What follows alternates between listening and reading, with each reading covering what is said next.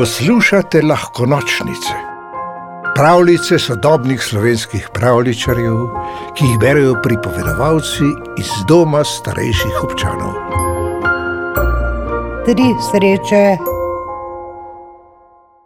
Na robu majhnega mesteca je v lepi, veliki vili, obdani z vrtom in parkom, živela grofica Leopoldina. Govorilo se je, da ima na kupe denarja in dragocenosti, a živela je skromno in preprosto, ter se držala bolj zase. Ni imela sorodnikov, na pošti ni nikoli ne prejela, ne oddala nobenega pisma. Le komu bo zapustila vse svoje bogatstvo, so se spraševali meščani. Med njimi so bili tudi takšni, ki so se ji upajoč na dediščino prilizovali in se ji celo usiljevali.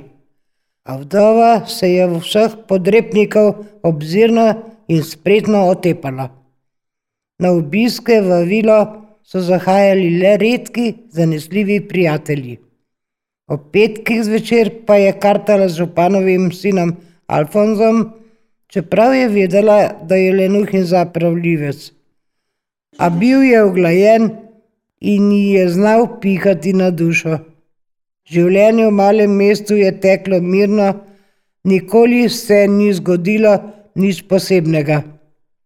Do tistega jutra, ko je branjevka na vse zgodaj vlekla voziček za zelenjavo na mestno tržnico in pri grofičini vili postala, da bi počila in si napasla radovednost. O, tokrat je imela kaj videti. Na stopnišču pred vrati vile so sedele tri lepe deklice, približno istih let in grizljale jabolka. Branovka je pohitela, da bi raznesla vznemirljivo novico. In kje je najboljši prostor za širjenje novic, če ne na tržnici? Kmalu je vse mesto vedelo, da ima grofica obiskovalke, in vsi so se spraševali, kdo so. Deklice so bile osirotele, daljne sorodnice grofičinega konjarja in kočijaža Petra. Grofico je prosil, ali smejo živeti pri njem v stanovanju nad hlevom, dokler jim ne najde dobrega doma. Zakaj bi se stiskali v tvojem stanovanju, če pa je v vilju toliko praznih sob, je dejala grofica Leopoldina. Hiša potrebuje malo veselja. Deklice so bile mile in so jih hitro prirasle k srcu. Izkazalo se je tudi, da ima vsaka od njih poseben dar.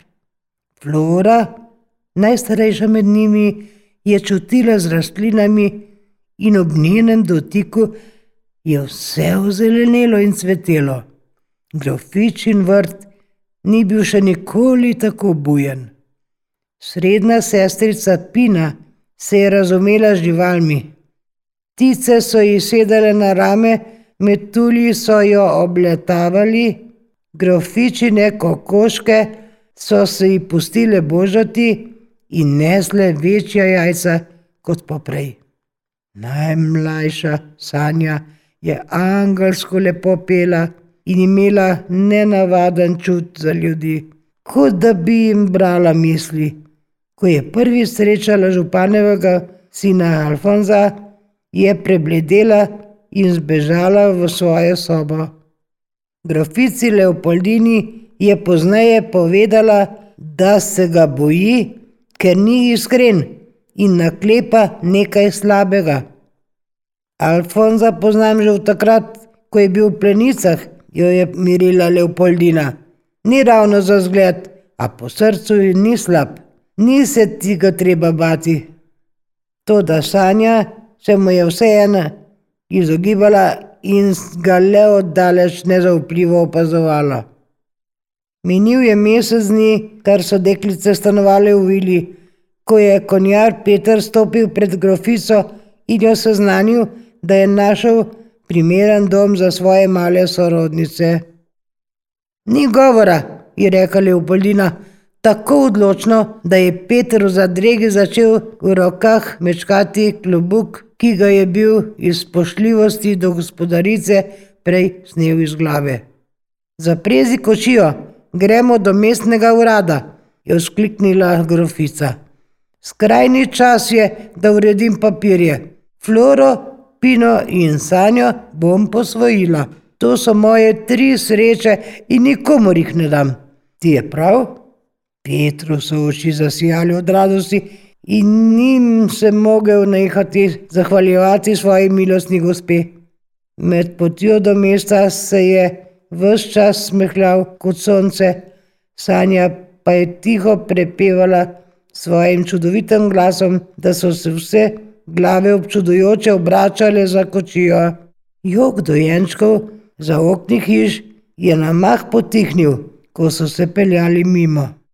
Bili so skoraj že na cilju, ko so se na križišču z glavno cesto skoraj zaleteli v poštni voz. Poštar je ravno tistega dne dobil novega konja, ki ni bil vajen mestnega vrveža in je podivjal. Uspenjal se je na zadnje noge, brcal in rital, malo je manjkalo, da ni prevrnil voza s poštarjem vred. Pina mu je nežno zaklicala: Šš, lepi koniček, vse je dobro. In konj je obstal, sklonil glavo in mirno povlekel voz iz križišča. Poštar pa je še dolgo strmel za grofičino kočijo in se čudil.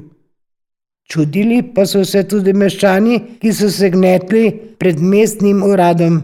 Tam je rasla stoletna lipa, mestni ponos, a je odmirala in se sušila, in nihče od vrtnarjev ji ni znal pomagati. Flora pa je objela njeno mogočno grčasto deblo in suhe veje so na mah začele brsteti. Meščani so ostrmeli. Darovi grofičinih treh sreč so tako prišli na dan, Alfonso pa je prišlo na uho tudi to, da namerava grofica Leopoldina osrutele deklice posvojiti. Presnete pritepenke, adijo bogata dediščina, je pomislil in sklenil, da mora to neumnost preprečiti. Najprej je poskusil pri očetu županu doseči, da vnemogoči posvojitev. Sinko, če milostljiva grofica tako želi in je trdno vdočena, potem zakonsko ni ovir, je župan preslišal vse njegove ugovore in nevoljno dodal: Ne vtikaj se v zadevo, ki se te ne tečejo. Raje se končno želoti kakšnega pametnega in koristnega dela. Alfonso pa delo seveda ni dešalo. Na vrat na nos je odhitev k mestnemu sodniku in ovadil uboge deklice, češ, da so čarovnice in sleparke. Kot dokaz je navedel, kar so videli in doživeli meščani. Da ob sanjenem petju dojenčki sladko zaspijo in da so odrasli kot uročeni. Da pina z nekaj besedami lahko pomeri podivjanega konja in da flora z dotikom oživlja odmrla drevesa. Sodnik je vse to kaj pa že vedel in je brez obotavljanja razsodil. Tudi če so čarovnice, so njihove čarovnije dobre. V mestu bi si želel samo še več takih, je krepko udaril s sodniškim kladivcem po deščici in Alfonza odslovil. Tri sreče so grofici in mestu res prinašale samo srečo in veselje. Sreča pa se je nasmehnila tudi Alfonzu. Na loteriji je priigral glavni dobitek in se takoj odselil v eno najlepših letovišč na zemlji. Kopal se je v denarju, a zares srečen ni bil nikoli.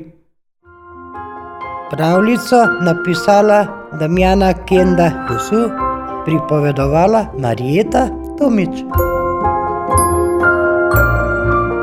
V deželo princesk, zmajev, gozdnih vil in ostalih čarobnih biti ste vabljeni na lahko nočnice, pika si, pa lahko noč.